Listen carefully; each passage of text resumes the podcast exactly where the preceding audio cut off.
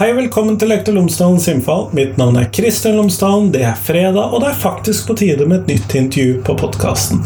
Denne gangen så snakker jeg med Heidi Wittrup Djup, og hun er en hva skal vi kalle det, sjelden fugl på podkasten, i den forstand at hun er psykologspesialist og ikke lærer, lærerutdanner eller forsker. Jo, kanskje hun er forsker. Hun jobber i hvert fall ved Klinikk for krisepsykologi og er universitetslektor ved Universitetet i Bergen. Og vi snakker sammen om foreldre og barns behov ved ufrivillig skolefravær. Hva kan skolen bidra med, hva kan omverdenen bidra med? Hva gjør det at man blir meldt til barnevernet for høyt skolefravær? Hva bidrar det til? Um, I det hele tatt, hva gjør hva, Hvordan er dette for de som står i denne krisen? Det prøver vi å finne litt mer ut av i denne samtalen. Ellers, podkasten Lektor Lomsdalens innfall er sponset av Fagbokforlaget, og Fagbokforlaget utgir bøker og digitale læremidler for hele utdanningsløpet, fra barnehage til høyere utdanning og profesjonsstudier. I tillegg til bøker for norsk for minoritetsspråklige. Og Det siste året har det kommet en rekke spennende titler til lærerutdanningen. og To av disse er Lekende læring og lærende lek og Profesjonell muntlighet. I boken 'Lekende læring og lærende lek' utforsker forfatterne ulike tilnærminger til lekbasert undervisning i begynneropplæringen. Dette er innenfor fag, på tvers av fag, i skoledagen og for hele skolemiljøet. I profesjonell muntlighet så handler det om stemmebruk, retorikk, diksjon, og er skrevet for alle som lever av å snakke. Dette er ikke sikkert at dette er de temaene som er mest interessant for deg. Det kan være at dette er kjempeinteressant for deg, men hvis du går inn på fagbokflagget.no, så finner du læremidler og bøker for det aller, aller meste, så da tror jeg at du finner noe. Fagbokflagget.no, altså. Men nå, nå får du intervju med Heidi. Vær så god.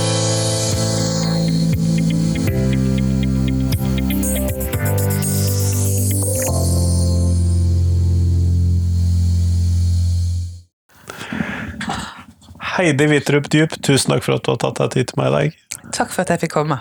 Før vi kommer sånn ordentlig i gang med intervju, så hadde jeg håpet at du kunne fortelle lytterne mine tre ting om deg selv, sånn at de kan få bli litt bedre kjent med deg. Ja, Det som kanskje er mest relevant, er vel kanskje at jeg da er psykolog. Jobber på Klinikk for krisepsykologi. Eh, jeg er selv trebarnsmor. Eh, og så har jeg også litt uh, ulike roller og verv i uh, andre sammenhenger, og jeg prøver å engasjere meg litt i samfunnsdebatten. Så det vel litt det som er bakgrunnen for at jeg har havnet her hos deg i dag. det er jo det, og du har skrevet en del i tilknytning til skoleelever, ufrivillig skolefravær. Elever som sørger har jo vi to snakket om før sammen, mm, men mm. hvorfor har du blitt interessert i elevene som sliter med ufrivillig skolefravær? Ja, det er jo nei, det er nesten litt tilfeldig, faktisk. Eh, jeg jobber jo med litt forskjellige temaer. Som du nevner, jeg har jobbet mye med barn som pårørende og barn i sorg, og har jo virkelig anerkjent skolens betydning når det gjelder de barna. Men så har jeg òg jobbet en del som sakkyndig for barnevernstjenestene. Eh, så det er på en måte mye sånn hovedgeskjeft. Men så har jeg over tid engasjert meg mer og mer i samfunnsdebatten, og skrev bl.a. en kronikk sammen med to kolleger, Andrea Mele og Bente Nilsen, i forbindelse med alle disse barnevernsbarna som ble omtalt som alvorlig psykisk syke i Aftenposten. Og da skrev vi at det er jo ikke barna, det er systemet som er sykt, eh, som blir sendt fra sted til sted og ikke får den ivaretakelsen som de trenger, den hjelpen de trenger, i et system som ikke makter å hjelpe dem. Så det var én kronikk. Og så har jeg også skrevet en del kronikker om urettmessige meldinger til barnevernet. Eh, og hvor problematisk det er. Og etter de skriveriene der, så var det en del foreldre som begynte å ta kontakt med meg med sine historier. Og veldig mye av det som gikk igjen der, var jo nettopp dette med ufrivillig skolefravær, at de var blitt meldt til barnevernet, eh, og måtte hjelp som ikke hjelper, den svikten de opplevde, veldig masse nederlag for barna. Og så ble jeg sakte, men sikkert på en måte del av en, en, verden som jeg egentlig ikke helt kjente til. da, og Meldte meg inn i disse Facebook-gruppene som de anbefalte. Ja, det, å være der oppleves som veldig fremmed hvis ikke man står i disse situasjonene selv. Det er, det er en veldig ny verden. Veldig ny verden. og Jeg husker på et tidspunkt tenkte jeg at jeg nesten angret på at jeg godtok invitasjonen til disse gruppene. for det jeg ble så utrolig så nedsatt av at er det virkelig sånn det er? Er det så mange foreldre som opplever så store vansker i et hjelpesystem, eller i et apparat som skal være der for oss?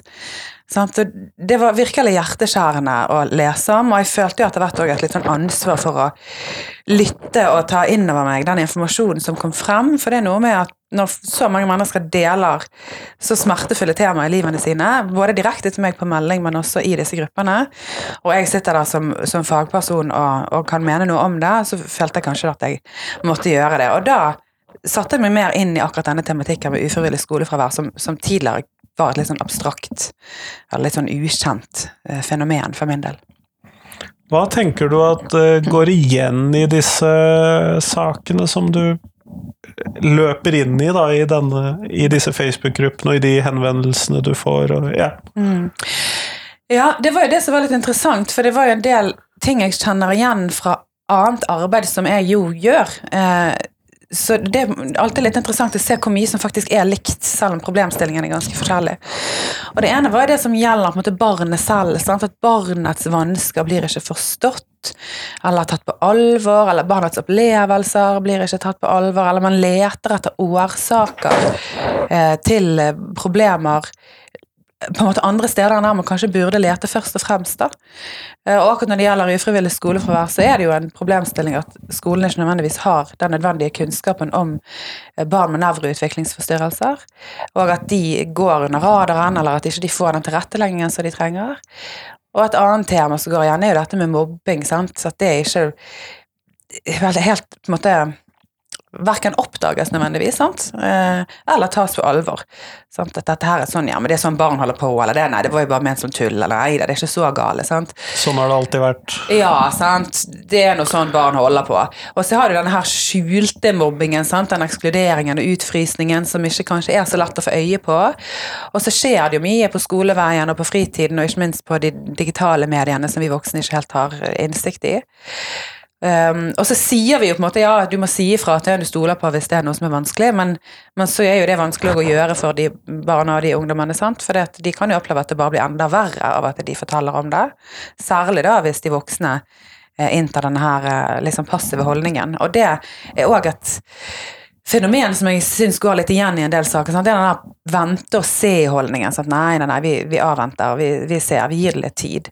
Og så er det jo barnet som da gjerne eh, ikke har den tiden da, som de voksne, eller som systemet tillater seg å, å ta.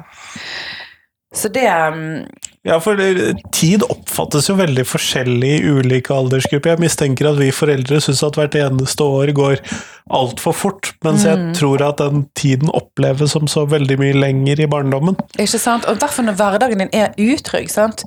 For sant, Hvis du opplever et, et utrygt psykososialt miljø på skolen og er utsatt for mobbing og Vi kan bare tenke hvordan det hadde vært for oss selv hvis vi hadde hatt en arbeidsplass som, som vi gruet oss til å gå på Um, og det er klart at Hvis tilretteleggingen, hvis nødvendig tilrettelegging uteblir, sånn at alt blir veldig overstimulerende og vanskelig å forholde seg til, og forvirrende og kaotisk, så er det ikke et godt sted å være. Og da er bare én dag en veldig lang dag. Sant? Uh, så vi, det er et privilegium å ta seg god tid, uh, og det, den, den, situasjonen blir vanskelig for barna. Så det, det syns jeg jo er trist å se. Sant? Og jeg tror at foreldre av og til òg er veldig redde for å liksom for Det er nesten som en slags sånn norsk verdi. Sant? At Vi skal ikke stresse, vi skal ikke overdrive, vi skal ikke dramatisere. Så vi skal vise at vi tar ting litt med ro selv. Sant? Så Vi vil gjerne ikke være til bry eller stresse opp skolen. Sant? Det, sitter nok litt inne for mange òg å ta kontakt med skolen eller med hjelpeapparatet med sin bekymring. Sant? Så De har kanskje ventet litt allerede og håpet at det skulle gå seg til selv. Og så når de da endelig sier ifra og, og tar kontakt, så blir de møtt med kanskje da eh, denne her vente-og-se-holdningen, eller kanskje til og med andre holdninger som er enda verre for de å bli møtt med, kanskje, nemlig mer sånn mistenkeliggjøring og um, her er det noe foreldrene har gjort eller ikke gjort som gjør at barna har disse vanskene. Det er altfor koselig å være hjemme, eller Sant, sånne ting. At det, det, er ikke rart det, eller at ja, men mor er jo så veldig overbeskyttende og overinvolvert og går inn i en sånn symbiose med barnet sitt. Sant? Det er jo også en holdning som, som går litt igjen, og det, og det, kan jo selvfølgelig i enkelte tilfeller være riktig, men, men jeg uh, hører jo fra mange, og jeg kjenner jo også noen privat som, som står i dette selv, sant? at de blir møtt med den sånn antagelsen om at det må være noe du gjør som gjør at barnet heller vil være hjemme hos deg. Sånn at hvis man gjør det litt mer sånn mistrivsel hjemme, så, så vil barnet drives til skolen av den grunn. Um, og det Men Hvis vi da bare kunne ta det, da. eh, Hva tenker du om dette her med å skape eh, litt sånn lett mistrivsel hjemme for å så fremme skolegang? Hvordan ser du på det som psykolog? Nei, jeg jo, altså jeg registrerer jo at det er et eh, råd som gis ofte i disse sakene. sant? Um, og så lurer jeg litt på hva, hva, hva legger de i det? Altså, for det er klart at det å ha rammer og rutiner i hverdagen hvis man òg er hjemme, det er jo viktig. Sant? For det, det, det er jo viktig for barn og for voksne. At man står opp og kler på seg og kommer i gang med dagen. Og, og barn har jo altså rett til å, å, få en form for opplæring. Sant? Kan man klare å skape en sånn type struktur hjemme? Um, men men jeg har hørt veldig hjerteskjærende historier om, om, at de virkelig ikke skal ha det bra hjemme. på en måte, At man skal ta vekk de viktigste tingene som barnet finner eh, trøst og, og, lek i. og um, at man det blir jo et dobbeltsvik for barnet sant? hvis det er utrygt på skolen at det også på en måte skal bli fremmed å være hjemme. Men det, det er jo en litt sånn tanke jeg syns går igjen, altså uten sammenligning for øvrig. Sant? Jeg har jobbet mye med asyl- og flyktningfeltet òg. Altså der snakker vi om disse push- og pull-faktorene. Um, og jeg, jeg tenker dette her med at man, det at man tror at hvis man gjør det utrivelig hjemme, så vil barnet gå på skolen. Um, det, det høres for meg ut som en veldig overforenkling. Da. Vi må jo se på hva det som gjør at barn ikke klarer å være på skolen. Og veldig mange av disse barna har det utrygt på skolen, at det er grunner til at de ikke klarer å være der. Og for foreldre så er det forferdelig vanskelig å bli satt i en situasjon der de skal tvinge barnet sitt på skolen. sant? Men også at de skal fremsnakke skolen. For hvordan skal de gjøre det hvis skolen føles utrygg, eh, og for barnet og foreldrene selv opplever tillitsbrudd i relasjon til skolen og ikke opplever at vanskene blir tatt på alvor, så er det vanskelig å fremsnakke noe som, som, eh, som oppleves som kilde til alt som er vanskelig. Så men selvfølgelig, hver sak er forskjellig, og i noen sammenhenger så må man kanskje også se på eh, hvordan man skal tilrettelegge hjemme, og hvordan man kan skape et bedre samarbeid med skolen, naturligvis. Men, men, eh, men både dette presset eh, og det å lure barna med seg på skolen, eller utøve den type press eh, fremsnakke noe som barnet prøver å fortelle at er veldig skummelt og utrygt, det vil jo føles for barnets del også som eh, som på en måte enda en tilleggsbyrde. Sant? At eh, det blir ikke forstått. Og det er jo alvorlig. Men når skolen da eh, venter med å sette i gang tiltak, eller ikke forstår problemet, har du noen, gjort deg noen tanker om hva det kan skyldes?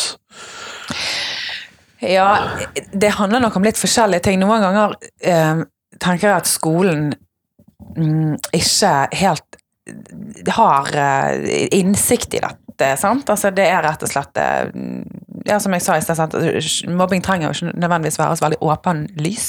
Det er ikke så lett å fange opp alltid. Eh, og det er jo klart at eh, det handler jo òg litt om hvor mange mennesker man er på jobb. Sant? Altså man skal jo ha nok folk til å legge merke til disse tingene.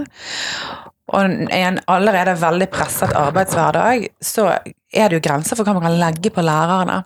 Så jeg er liksom opptatt Når jeg snakker om skolen, så snakker jeg om systemet skolen. Jeg snakker ikke om lærerne som svikter så er det jo historier der òg, selvfølgelig. sant? Det fins eh, dårlige epler i alle profesjoner. Så det er klart at det, det er nok eh, mulig at man kan møte på lærere som, som ikke er nødvendigvis best egnet i den rollen, i hvert fall ikke når det kommer til mer relasjonelle ting. sant? Det å være en god rollemodell for barn, det å eh, på en måte fremme empati, det å møte omgivelsene med, med sympati og forståelse, lytte, være på en måte tilgjengelig som en støttespiller. Det er jo klart, Der er jo lærere forskjellige, naturligvis, men mitt fokus er liksom systemet, skolen. Har vi muliggjort at skolen kan ta det ansvaret de f.eks. er pålagt å ta gjennom denne paragraf 9a i opplæringsloven, som innebærer at de skal altså De har jo en handlingsplikt når det gjelder å skape et trygt psykososialt miljø, men har de forutsetninger til det? Har de fått nok ressurser, nok kompetanse, nok folk med brei nok eh, kompetanse òg. For det, eh, det, å jobbe inn i et relasjonelt miljø det å ha kunnskap om nevroutviklingsforstyrrelser, det å kunne gripe inn tidlig med, i møte med mobbing og utenforskap. Sant? Det er ganske avanserte ting, sant? så totalt sett, altså summen av dette her, er det jo urimelig å legge på den enkelte læreren. Um, så det er nok så Man må jo se på en måte skole som system, og, og hvilke forutsetninger de har i skolen til å forvalte det ansvaret som vi legger på dem.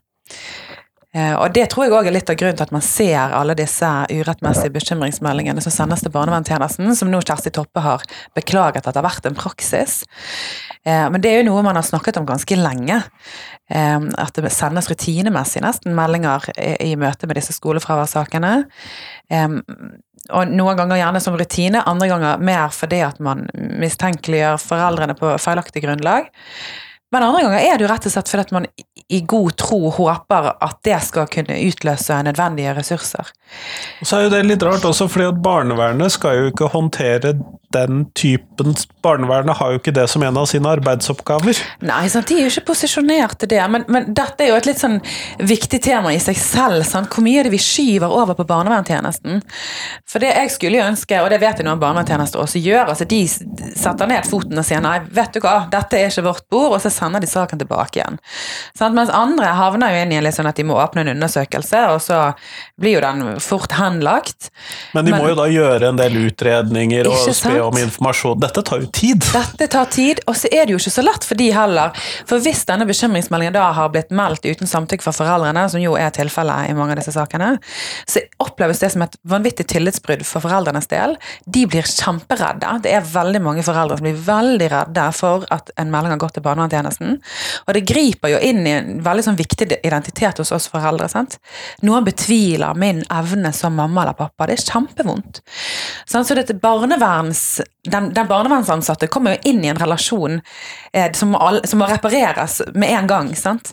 Fordi at de har allerede opplevd et tillitsbrudd, og så skal da den barnevernsansatte starte jobben sin der. Det er jo, man kommer litt skjevt ut helt fra starten. da. Eh, Så det er jo ikke en enkel jobb for de heller. Og så er det jo som du sier, det er jo ekstremt ressurskrevende. Eh, Og så har de jo fått litt føringer fra statsforvalteren på at de skal åpne undersøkelser når det sendes meldinger fra mennesker da med taushetsplikt, og det er jo ikke så rart, for vilkårene i loven er jo kjempestrenge. Sånn at det, man skulle jo tro da at her er det grunn til å frykte at det kan være alvorlig omsorgssvikt, eller at barnet er i risiko for å bli mishandlet eller utsatt for overgrep eller annen omsorgssvikt. Eh, En annen side ved det som jeg syns er litt interessant, for at eh, Bente Onstad har jo vært på podkasten tidligere og snakket om det, professor nå emeritus i juss. Eh, og den boken hun skrev om disse bekymringsmeldingene, måtte jo til og med gis ut på eget forlag, altså ikke gis ut på et ordinært forlag, og det, for min del så sier det mye om uh, hvilken bevissthet det har vært rundt disse problemstillingene, da. Ja. selv om det nå kanskje er litt mer.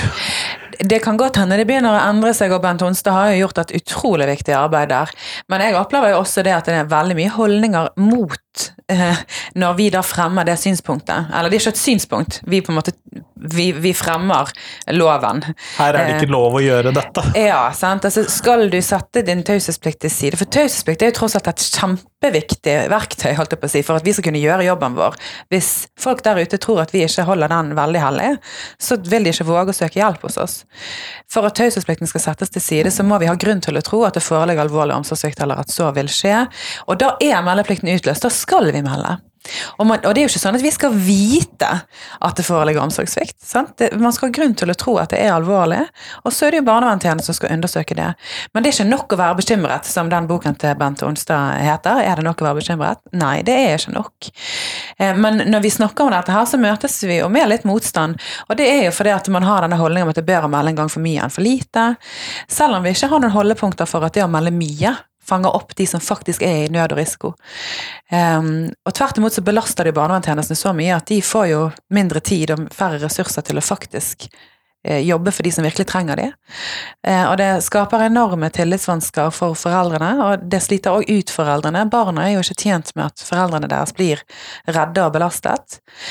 Um, Sånn at, men det jeg òg møtes med, ja, men hva skal vi gjøre da hvis barnet forteller sånn eller sånn, eller hvis vi blir kjent med ditt og datt? Ja, Men hvis, det, hvis du da sitter med grunn og da, da, vi eksempel, altså da får jeg jo eksempler på ting som faktisk gjør Vold i hjemmet og andre sånne type ting. Ja, det er jo sant, gjerne det men- som kommer. Ja, og, og veldig ofte så hører jeg jo det at ja, men da er jo meldeplikten utløst. Sant? For dette her er det jo grunn til å tro, og her, dette er jo alvorlig. Sant? Sånn at eh, vi skal jo ikke Det er jo ikke et mål å ikke melde bekymringer til barnevernet, eh, men det er et mål å melde de riktige sakene. Og i skolefraværssaker så er det Det kan jo selvfølgelig være riktig der òg. Det er jo ikke sånn at det er umulig å tenke seg en situasjon der foreldre eh, bidrar til barnets vansker, og at Holder de barnet hjemme sånn faktisk og ja, sant? eller at det er altfor store belastninger i hjemmet som gjør at barnet har helt andre oppgaver i hjemmet, eller andre ansvar for småsøsken eller for syke foreldre. Så det kan være mye som gjør at, at dette er vanskelig for barn. Så selvfølgelig kan det være saker der barnevernet er riktig instans. Men når det er snakk om skolemiljø, når det er snakk om f.eks. nevroutviklingsforstyrrelser som ikke blir for god nok tilrettelegging sånn som de skal ha, eller det er utenforskap, eller det er andre forhold som gjør at her må hjelpen innrettes på en helt annen måte, så syns jeg det er urettferdig overfor alle parter, inkludert barnevernstjenesten, at man sender saken dit. Men det der er jo en tendens vi har alle sammen, at hvis noe blir vanskelig, så skyver vi det videre i systemet. Og så lenge barnevernstjenesten er der som en slags sånn mottaker av alt som er vanskelig, så har vi den muligheten alle sammen til å bare droppe det på de. Og det er en ansvarsfraskrivelse som jeg syns er ganske alvorlig, men som vi ser i ganske mange ulike saker. Og det tror jeg jo er viktig at vi tar en liten sånn pust i bakken alle sammen. Hva er det? Hvem er det egentlig som skal eie denne saken? Hvem er det som egentlig har ansvaret her? Og jeg tror jo veldig ofte så er det skolen som har ansvaret, andre ganger så bør man kanskje koble inn andre ressurser, f.eks. PPT eller, eller um, ansatte som kan jobbe mye mer inn i miljøet. Noen ganger kan eksterne hjelpere være viktig, Statped kan være viktig. Av og til så kan skolehelsetjeneste få en viktig rolle, eksterne psykologer kan få en viktig rolle. Og noen ganger skal jo saken også ende på BUP sitt bord. Men kan det ikke bli for mange kokker ut av dette? Det er jo nettopp det som skjer, sant. Det blir veldig mange kokker. For det første er det veldig mange det skal klaffe for. Og jeg hører jo stadig vekk om de som har et møte om et halvt år. sant? Altså igjen, Der får du denne ventingen som er utrolig lenge for barnet. Ja, Vi skal det- sy disse møtene med sju forskjellige deltakere fra sju forskjellige institusjoner. Og. Sant? Da går det jo noen måneder før man er der, og så plutselig er det noen som er syk, eller så har den eh, skiftet jobb, og sånn, så må man utsette møtet enda en gang. Så det blir veldig mye eh, tid som går vekk i rett og slett administrativt eh, plukk. Men, og det er jo også som du sier, sant? når det blir så mange folk involvert, så får du denne ansvarsdiffusjonen. Altså det bare pulveriseres helt, og det er, det er på en måte ingen egentlig som sitter og eier saken, og som virkelig føler at, dette, at jeg skal virkelig stå på barrikadene for dette barnet og for denne familien. Eh, Og det er jo klart veldig fortvilende for foreldrene òg, for de vet ikke hvem de kan spille på. Hvem er det som er vår person her? Og så blir det ofte Og der synder jo også mitt eh, fagmiljø. Sant? Altså vi, vi sitter og utdefinerer oss selv mer enn å snakke om hvem som skal gjøre hva, så snakker man om hvem som ikke skal gjøre hva. Eh, Og det er jo veldig synd. Sant? Og, det, og, og PPT sin rolle burde jo virkelig blitt styrket og anerkjent, for de har jo veldig mye kompetanse som, som jeg tror er litt sånn uforløst potensial enkelte steder. Jeg syns jo òg at man skulle hatt støtte nærmere barna, Sant? Altså helsesykepleierne jeg syns jeg alltid trekker de frem som sånne viktige ressurser, og så kommer jeg på etterpå at de er jo ikke en endeløs ressurs, de heller. sant? De har jo ikke tid til alt, de heller. Det, men det, altså, gjerne satse mer på de aktørene som er tettere på skolene, men òg kanskje få kompetansen enten inn i skolene selv, eh, eller eh, sørge for sånne ressursteam da, som kan bistå skolene og kobles inn med en gang. Som f.eks. har spisskompetanse på skolemiljø. Um, så, så den type rolle syns jeg jo av og til mangler. At man vet ikke helt hvem man kan få hjelp fra i disse kompliserte sakene. Det er fortvilende, også for skolen, sant? som eh, selvfølgelig ønsker å hjelpe, men som ikke vet hvordan. Og, og da kan jo det igjen også resultere i da, at man tyr til en melding til barnevernet rett og slett i fortvilelse over at vi har ikke noe annet, vi vet hva vi kan gjøre her. Og det Ja, så det blir jo en slitasje på hjelpesystemet også. Du trakk jo inn BUP her. Hvordan eh, De er jo heller ikke, hva skal vi kalle det, har en overflod av ressurser. Men Nei. hvordan eh, Hva er fordeler og ulemper med å så få det inn i det systemet, disse elevene? Er det noen ulemper, egentlig? Altså, jeg tror av og til at en, en ulempe er jo forventningene vi har. Altså, vi håper eller tror at hvis vi får sendt barnet til BUP, så løser det seg. Og det jeg i, og det kjenner jeg også veldig godt igjen fra de barnevernssakene jeg har vært inne i òg. At man ja, med barn barnet henvises til BUP, for dette ble så vanskelig. Og så er det jo litt sånn, ja Noen ganger er jo det helt riktig, naturligvis, men andre ganger så er det liksom, hva er det man tenker skal skje på BUP? Um, for dette, de er jo heller ikke nødvendigvis posisjonert til å hjelpe i barnets hverdag alltid. Uh, og som du sier, det er et, det er en presset tjeneste, det også. Og vi skal jo først og fremst leve livene våre utenfor helsetjenestene. Forhåpentligvis. Forhåpentligvis. Men det er klart i enkelte sammenhenger så blir det viktig, noen ganger fordi de rett og slett trenger helsehjelp. sant? Um, og, og, det vil jeg jo òg si, altså har vi blitt utsatt for mobbing, så ser vi jo det hvor utrolig stor skade det kan gjøre. Og jeg har jo selv hatt klienter, de har jo vært voksne da, men, men som har vært traumatisert på, som følge av mobbing i barndommen. sant? Så vi skal virkelig på en måte ta inn over oss at mobbing er en helsemessig risiko. Da. Og noen ganger så vil man jo trenge hjelp til å rett og slett håndtere eh, traumerelaterte symptom og, og, de erfaringene som man har gjort seg, og hva det har gjort med deg og din egen opplevelse av deg selv som menneske og følelsen du har rundt din egen verdi. Sant? Forutsatt at, at mobbingen nå er slutt.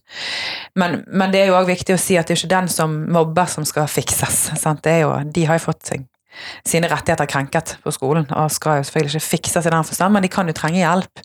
Og andre ganger blir BUP viktig rett og slett for å foreta en utredning, sånn at man skal få bedre forståelse for hva er dette her. For det er jo gjerne noe som foreldrene kan melde fra om, gjerne veldig tidlig i livet òg. At de har alltid sagt et eller annet om at gud, det er noe med dette barnet. Han er så annerledes enn søsknene sine, eller ja, jeg merket det med en gang han var født, så, så var det noe. sant? Og så har de fortalt om dette her til hjelpesystemet over tid, og så har man igjen hatt denne her vente-og-se-holdningen, f.eks., eller nei, og så begynner man av og til å lete etter årsaker i omsorgsmiljøet, eller i familien, f.eks. Og så viser det seg at gjerne er en, en tilstand som ikke er utredet. Sant? Og noen ganger blir jo det veldig viktig å gjøre, rett og slett så det kan gi retning på hjelpen. Men på en annen side så syns jeg òg det er trist at vi har en utvikling der man nesten trenger en diagnose for å få hjelp. For det, hva du kaller det for, spiller i og for seg ikke så stor rolle. Altså for barnet er jo sånn barnet er uansett. Um, og, og, og, og, hva, man, hva merkelapp man setter på det, er av og til litt underordnet. Sant? For det, man må fortsatt tilrettelegge, man må fortsatt gjøre det man kan for å tilpasse, men noen ganger kan jo det å få utredet barnet selvfølgelig utløse rettigheter, og også gi oss bedre forståelse for hva barnet strever med. Og jeg husker faktisk et eksempel på det. Da var jeg jo bare student, til og med. Men jeg husker det gjorde veldig inntrykk, for det var et barn som hadde um, gått på skole i flere år, og det hadde vært noe hele tiden, sant? men man fikk, fant ikke helt ut hva det var, og man forsto ikke helt hva det var, og man satte inn alle slags mulige tiltak og planer og ideer for å liksom skape endring. Og, og det var jo en slitasje på barnets foreldre, selvfølgelig, for det, de opplevde at de ikke ble helt hørt på hvordan de gjorde ting hjemme, og deres forslag inn mot skolen og sånn. Og så etter noen år så ble jo barnet utredet, og man forsto at dette barnet hadde en, en tilstand da, som gjør at foreldrene gjorde alt helt rett. um, men der var skolen veldig lydhør. Så de, når de da fikk på, en måte, på papiret en diagnose, så la vi ned alle slags planer og ideer og gode intensjoner, og så bare hørte vi på foreldrene. Okay, hva er det dere gjør? Hva er det som fungerer? Og så begynte man å gjøre det på skolen òg, og så ble det jo veldig veldig mye bedre. Men der var jo det viktig f.eks. å legge ned presset. Sant? For man ønsket jo at dette barnet skulle mestre det sosiale, blant annet. Så man presset jo det barnet inn i ekstremt mange forskjellige sosiale settinger. Som ble ekstremt vanskelig. Sant? For barnet forsto ikke eh, disse sosiale kodene, barnet forsto ikke hva som var forventet i disse sosiale situasjonene. Så det skapte jo veldig mye angst i barnet. Og så var det jo veldig mange mestringstap. Sant? Fikk det ikke til, verken faglig eller sosialt, så det ble jo store depressive plager også. Sånn at Det var jo et eksempel på at gode intensjoner skapte veldig mye press for det vi ikke forsto. Og med en gang man da fikk den diagnosen på det arket, så begynte man å lytte til foreldrene, og så fikk vi da en ny retning på eh, barnets hverdag og på den hjelpen som barnet fikk, og så ble det veldig, veldig mye bedre. Men dette er jo da det, du, eh, det jeg opplever at du peker på her, er at vi må ha et hva skal vi kalle det, et edruelig forhold til hvilke institusjoner som kan løse eller bidra med hva, da? Fordi at eh, hvis det da går på skolemiljø, så er det jo ikke BUP kan jo ikke fikse det, Nei. men de kan kanskje reparere noe hos eleven. Ja, hvis det blir nødvendig Ja. gjerne seinere. Mm. Um, absolutt. Og, og er det Og det er jo det, sant. Hvor, hvor er det vi skal lete etter hjelpen, først og fremst? Det må jo være i hverdagen vår. Sant? Og det, det er klart at hvis kilden til barnets vansker ligger i skolemiljøet, eller i manglende tilrettelegging, så må jo vi lete etter hjelpen også der. Og da trenger vi å, å styrke skolene. I veldig mange sammenhenger så er det det som trengs. Og så er det jo en del foreldre som har fortalt meg om altså det å få en ny lærer, hvor mye det hadde å si, sant? eller en ny rektor. Sant? Så noen ganger så ligger det jo òg i um, at det er, det er ikke mulig å få til et, et godt samarbeid, eller at relasjonen ikke er eh, på en måte mulig å bruke som et verktøy for å skape en bedre hverdag. Så det kan selvfølgelig skje, men jeg, som jeg sa, sa i sted, altså jeg er ikke så opptatt av den enkelte læreren, jeg er mer opptatt av skolen som system. Hvordan kan vi satse på, på den arenaen? For det, skolen kan jo egentlig være egentlig kanskje den aller viktigste helsefremmende arenaen for barn. Og det er jo noe med at nesten altså, Det er veldig veldig få unntak. Sant? Nesten alle barn går jo på fellesskolen. Det er sånn vi har lagt det opp i samfunnet vårt. Og da må vi jo ruste skolen til å være den fellesarenaen som gir plass til det mangfoldet som faktisk er blant barn. Og, og det er ikke sikkert vi får så veldig godt til, eh, for å si det sånn. Når man ser på hvor mange som strever med ufrivillig skolefravær, og hvor mange som, som rapporterer om at de ikke har det så godt på skolen, sant? og at de mangler Det har vi jo sett også på disse Ung Data-undersøkelsene, at det er mange som opplever å ikke ha det godt i hverdagen. De har ikke nødvendigvis en trygg, tillitsfull relasjon til en lærer, eksempel, eller, eller til en voksen på skolen, eller vet hvem de skal gå til, eller har vennskap som er meningsfulle. Sant? Så vi bør jo absolutt se på om det er en negativ trend i skolen nå som, som vi må stoppe før det bare eskalerer ytterligere. Og, og, og, og ruste skolen og bygge opp den nødvendige kompetansen der. Sånn at ikke vi må sitte og reparere på skader i ettertid i spesialisthelsetjenesten. Det er dyrt. Det er dyrt, og det er òg urealistisk å få til. Sant? Vi vil aldri ha den dekningen i spesialisthelsetjenesten, tror jeg, og vi vil heller aldri lykkes med det. Og det er jo òg utrolig mye menneskelig smerte som, som vil bli spart hvis vi klarer å ta tak i det tidligere.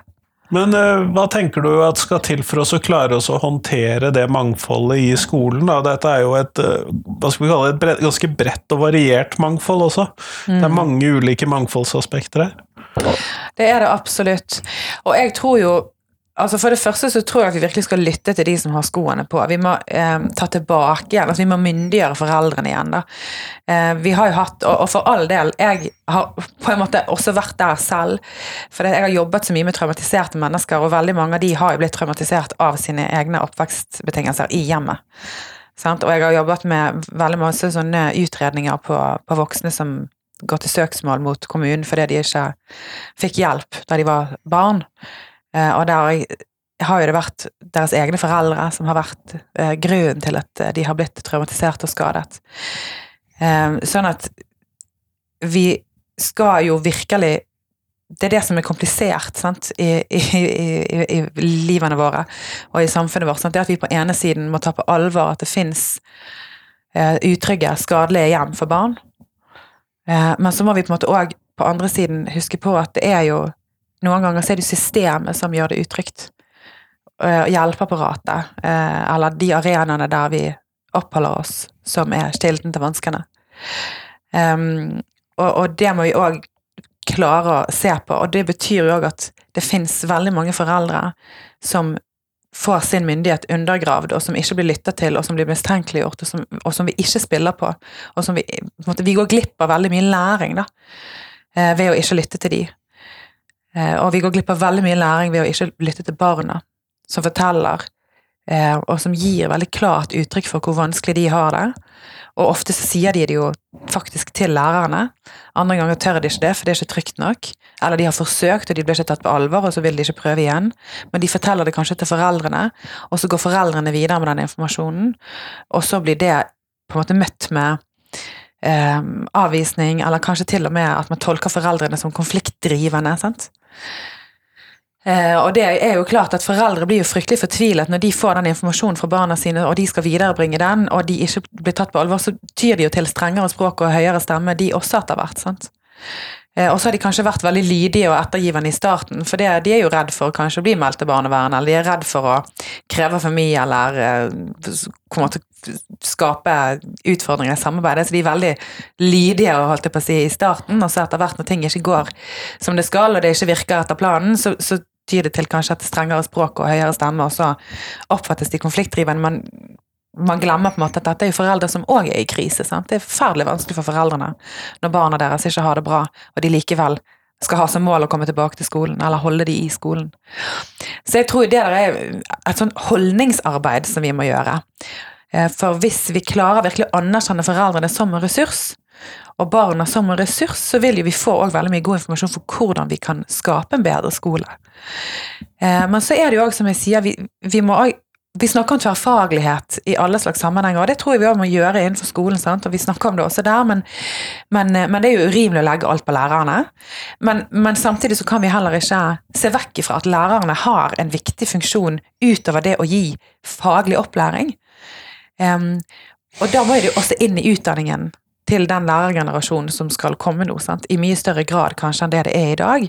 Sånn at denne relasjonskompetansen og den kunnskapen og, og, og rollen de kan ha i det psykososiale miljøet, blir løftet veldig opp.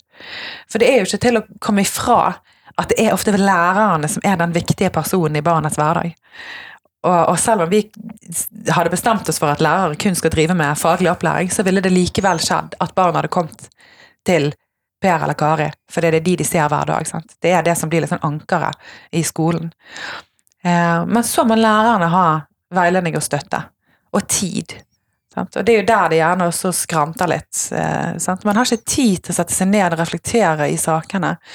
Eh, og når man er presset på tid, og man har veldig mange andre barn man også skal ivareta, og alle har liksom behov for tilrettelegging, så, så er det klart at da da vil jo alle slags initiativ og innspill, som egentlig er godt ment, også egentlig bare oppleves som en belastning for læreren. Og hvis man nå havner det her at nå setter jeg litt på spissen, men hvis man havner der at nesten alle elevene i klassen trenger tilrettelegging, så må vi jo virkelig se på hva er det med denne skolehverdagen som gjør at at på en måte normaliteten er borte, på en måte. da.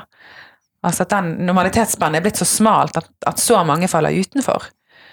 Ehm, det å sitte og reparere på det og lappe på det, det blir jo umulig. Så da må vi kanskje tenke nytt litt sånn rundt hvordan vi må skape en skolearena og en skolehverdag der det faktisk er plass til, til dette mangfoldet. Og da trenger vi en breddekunnskap hos de voksne.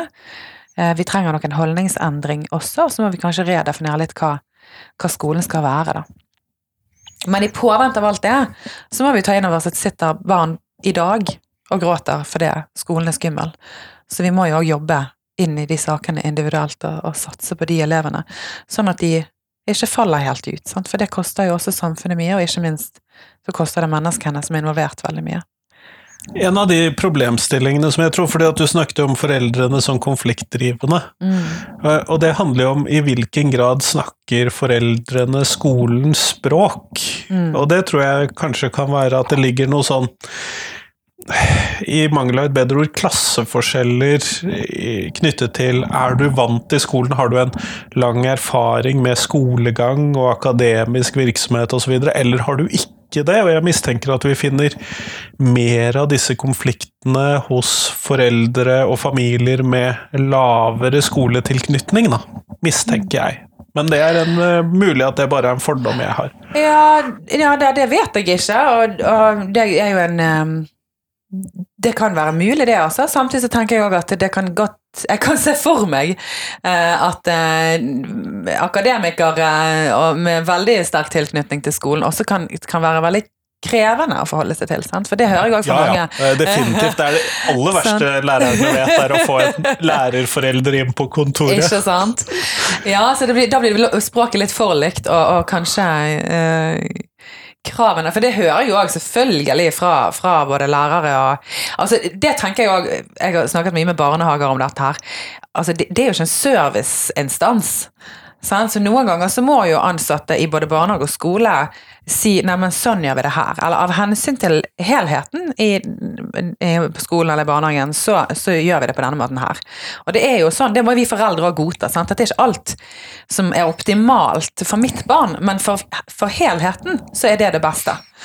Og, og, det er selvfølgelig som foreldre så vil vi gjerne det beste for vårt eget barn, og så blir vi, mister vi litt gangsynlig noen ganger. og, og glemmer at det finnes jo andre barn også som skal ha det bra. Sant? Ja, det er jo 26-30 stykker i disse klasserommene. Ja, sant? så man kan ikke bare tenke på, på, den ene ungen som man selv har. Man må jo ha liksom en et sosial bevissthet her. Så det er klart at, at det um, og, og, og, når man blir sliten òg, som jeg tenker at lærere òg risikerer å være, så, så, blir det jo fort til at terskelen eh, altså terskelen for å oppleve det som veldig veldig stressende og krevende, den er veldig nær. da. Um, og hvis man føler at man er litt på etterskudd og litt på felgen, så føler man jo òg kanskje på mye sånn at man kommer til kort, da. Og da vil man gjerne òg oppleve innspill som egentlig ikke er ment som kritikk, som kritikk. Da vil man jo kanskje få i større grad utbrenthet av gode lærere, da, som ellers kanskje ville vært der lenge. Absolutt. Sånn, og det er jo det jeg òg tenker med liksom dette med å ryste opp skolene og de ansatte der, sånn at de tåler Altså, har, har skolen i dag forutsetning til å leve opp til de forventningene som vi har til skolen? Og som ikke bare er forventninger, men som faktisk også er lovfestet. Og ikke misforstå meg, jeg er 100 for at dette er lovfestet. Jeg syns paragraf 9 a er flotte greier. Jeg syns det er bra at vi har da anledning også til å klage til statsforvaltere når skolen ikke gjør det som skolen skal gjøre. Eh, men har vi gitt skolen forutsetninger til å faktisk levere på den paragrafen? Eh, når vi får høre at lærere er utslitt, de, de velger bort yrket sitt, de orker ikke stå i det, og man ikke har nok støtteressurser verken faglig, men også mer sånn eh, menneskelig, da. Altså, lærere trenger gjerne veiledning og input på hvordan de skal jobbe i disse kompliserte sakene. Hva skal de gjøre? Men også hvordan skal de stå i det. For hvis lærerne har det godt eh, og fungerer og har liksom hodet over vannet med god margin, så vil det òg være enklere å, å, å ta å trekke pusten og lene seg tilbake og reflektere rundt hvordan kan vi jobbe på en annen måte. Det er veldig vanskelig å være fleksibel og, og se på seg selv utenifra og reflektere rundt sin egen arbeidshverdag hvis du er presset opp etter veggen og helt på felgen. Det, det ville ingen av oss klart. Eh, og det er akkurat det samme som jeg snakker om når jeg tenker på barnevern. Sant? Når vi lesser oppgaver ned på barnevernet og skyver alt i armetegn over på fanget deres, så så har ikke de sjans til å sitte og reflektere og, og, og veilede hverandre og, og, hente inn kunnskap og erfaring sant, i de vanskelige sakene. Fordi de er så presset at de Og hva skjer med oss når vi blir så stresset? Jo, vi får denne handlingstrangen. Da bare begynner vi å gjøre et eller annet for å levere på en eller annen forventning, men så er det gjerne ikke nødvendigvis så veldig godt gjennomtenkt eller riktig å handle akkurat på de tingene på den måten. Sånn, så det, dette henger sammen, og jeg har veldig masse sympati for foreldrene. Fordi at jeg har mye kontakt med dem. Jeg har veldig mye omsorg for barna. Skal, det er jo de som er hovedpersonen her, sånn, som skal ha denne hverdagen som er så utrygg og skummel og overveldende og overstimulerende og forvirrende og kaotisk. Men jeg har òg veldig, veldig mye sympati for de som skal bli satt til å være hjelper i dette her. Sant? Så som sagt, når jeg snakker om skolen som system, så, så tenker at det skal være et system som skal være godt for elevene, det skal være godt for foreldrene, men det skal også være godt for de som jobber i det systemet. Og jeg stiller meg litt tvilende til om, om det er der vi er nå. Um, og basert på de historiene som er sant, nå, Mens vi sitter her, så er det jo ikke så lenge siden det var lærerstreik. Det er, det er jo nedslående å ta inn over seg hvor krevende man har gjort det da, for, um, for de som skal jobbe i skolen, som er så ufattelig viktig plass for barn. Det er jo der eh, Der skal de jo oppleve læring, men de skal jo oppleve mestring og tilhørighet og fellesskap og, og føle at de har verdi, sant, og at, de, eh, at det er et meningsfylt og godt sted å være. Men det skal det jo også være for de som jobber der. Hva tenker du om eh, Er det positivt eller negativt at eh, disse sakene kommer så mye opp i media nå for tiden, knyttet til da, disse med melding til barnevernet, skolefraværssaker, eh, mobbesaker osv., at det kommer så mye opp i media? Hva tenker du om det?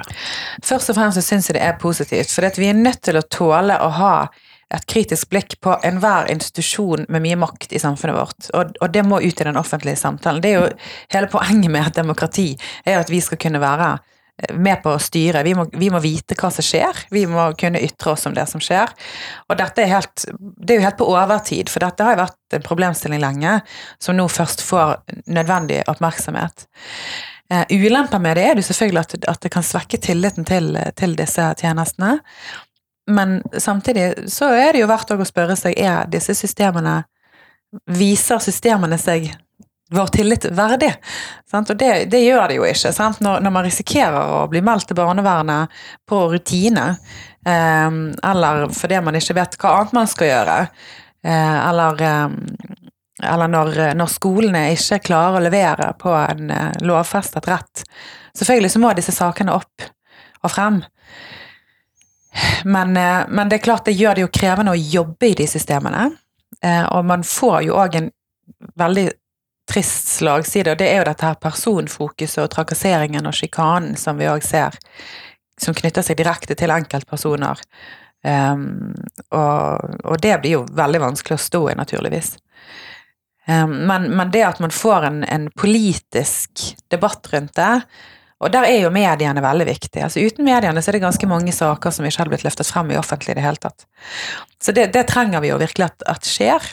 Og jeg prøver jo også å bidra til det, men jeg får jo litt ymse tilbakemeldinger, jeg òg. Mange, og de aller, aller fleste er veldig glad for at jeg ytrer meg om disse tingene, men, men det er klart at noen òg syns at jeg bør snakke mer om det som funker. Um, og det uh, mener jeg at det ikke er mitt ansvar, da. For det at jeg registrerer at når vi kritiserer andre maktinstitusjoner, f.eks., når vi kritiserer politiet, som, det må være rom for å gjøre det, og kritisere politiets maktmisbruk, uten at vi samtidig også skal skryte av alt de gjør som er bra. Og det kunne jeg godt gjort. Jeg, en av de koseligste Instagram-postene jeg har sett i mitt liv, var jo når politiet i Bergen hadde stoppa trafikken, for det var en annen familie som skulle krysse veien. Altså, jeg elsker jo politiet. Eh, men samtidig så må man jo også påpeke grov urett, og det, det skjer. Og i enhver plass, ethvert system som har makt, der er det en risiko for maktmisbruk, enten tilsiktet eller utilsiktet. Og selv vi som har gode intensjoner som hjelpere, risikerer jo å gå inn i på en måte disse sakene med en stor arroganse på at vi vet best. At ja, men nå gjør vi det sånn som dette, for dette, dette har vi lært, eller vi tror, eller Og disse anekdotene som dukker opp innimellom òg. At ja, da jeg var barn, så måtte man gå på skole uansett om man hadde vondt i magen eller hodet. Må ikke være så ettergivende. sant? Altså, man, man, på en måte tar med seg noen ideer og forestillinger og holdninger inn, men også tar man jo med seg denne ekspertisen, sant? som ikke nødvendigvis eh, passer i alle sakene. Um, så det må vi jo òg på en måte den den refleksjonen rundt hjelpesystemet selv, den, den, må vi òg ha. Og der er jo mediene med på å fremtvinge at vi må se på oss selv med et kritisk blikk. da. Og det syns jeg jo at vi må gjøre, og det syns jeg jo at barn og foreldre fortjener at vi gjør. Det kan jo igjen skape tillit, når de da ser at vi tar det på alvor, og vi tar det innover oss og er villige til å endre praksis og, og velge en annen vei. Kjempeflott. Vi går mot slutten av dette intervjuet, og da skal jeg stille deg det spørsmålet som jeg stiller alle på slutten av intervjuene for tiden. Og hvilken lærer har gjort størst inntrykk på deg, og hvorfor det? Åh, det er jo nesten ille å måtte hente ut bare én, for jeg er jo så heldig å ha veldig mange gode lærere og gode relasjoner å tenke tilbake på. Men, eh, men, det første jeg tenkte på når du spurte, det var en som var min klasseforstander, var det det det het, også den gangen, i eh, andre klasse på videregående. Eh, for jeg hadde det veldig vanskelig på videregående, strevde mye med meg selv i den tiden. Og da var det en lærer der som virkelig Han tok meg sånn på alvor. Og jeg husker, for jeg kjente jo ikke han før vi begynte i andre klasse, eller han hadde hatt han i norsk. Men um, den måten han møtte meg på når jeg fortalte han om ting som jeg ikke hadde klart å si til noen før, så jeg husker jeg var veldig sånn unnskyld. Bare, ja, 'Dette er ikke interessant for deg', og 'nei, du trenger ikke vite dette', og 'nei, uff, stakkar, du, du har noe mer enn nok å tenke på'. Så han har bare det der blikket og den varmen og bare 'Dette er det aller viktigste jeg vil vite om nå'. Og han tok meg sånn på alvor og satte jo i gang eh, veldig masse hjelp og støtte til meg. Og han var der som et sånt virkelig anker um, gjennom videregående, da. Uh, og det var Altså, jeg har lurt litt på hvor hadde jeg vært uten han, på en måte, da. Så igjen dette her med Du kan si hva du vil. Jeg, han, han, han, har sikkert lært meg noe faglig òg. Eh, han var en god lærer rent faglig, men eh, for livet mitt så var det jo mennesket og relasjonen og hans eh, evne til å gi meg en opplevelse at jeg hadde veldig mye verdi, da. Det var jo det aller viktigste han ga meg. Så ja, lærere kan lære oss opp i fag, men de kan virkelig berike livet òg, da. Og da må vi jo passe på dem. Da må vi skape et system som gjør at de kan ha, fylle den funksjonen òg, for det kan de virkelig gjøre. altså. Kjempeflott. Tusen takk for at du tok deg tid til meg i dag. Takk for at jeg fikk komme.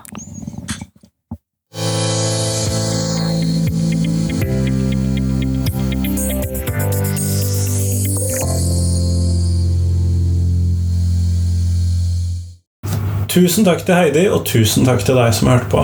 Nå er det fram til tirsdag, så kommer det et nytt intervju på podkasten, og det gleder jeg meg til. Da skal jeg bl.a. snakke med to forskere om foreldrerelasjoner. Om hvordan lærernes og skolenes foreldrerelasjoner kan jobbes med som en del av skolehverdagen. Men det blir først på tirsdag. Nå denne helgen her så håper jeg at du slapper av. Nyter det at vi er inne i den første helgen i desember, og at eh, du drikker mye julebrus. Eller noe sånt. Jeg vet ikke. Hvordan feirer du jul? Eh, jeg tenker litt for mye på jul, men det handler om alle disse alle mulige tingene jeg driver med som en del av mitt liv. Eh, hvor jeg diskuterer ting også som en sånn, hva skal vi kalle det, profesjonell diskutant debattant. Ja, en person som diskuterer, i hvert fall. Men jeg håper at du kan eh, dele podkastene min nå, for det vil jeg sette utrolig pris på. Og så får du ha en fin helg. Hei, hei.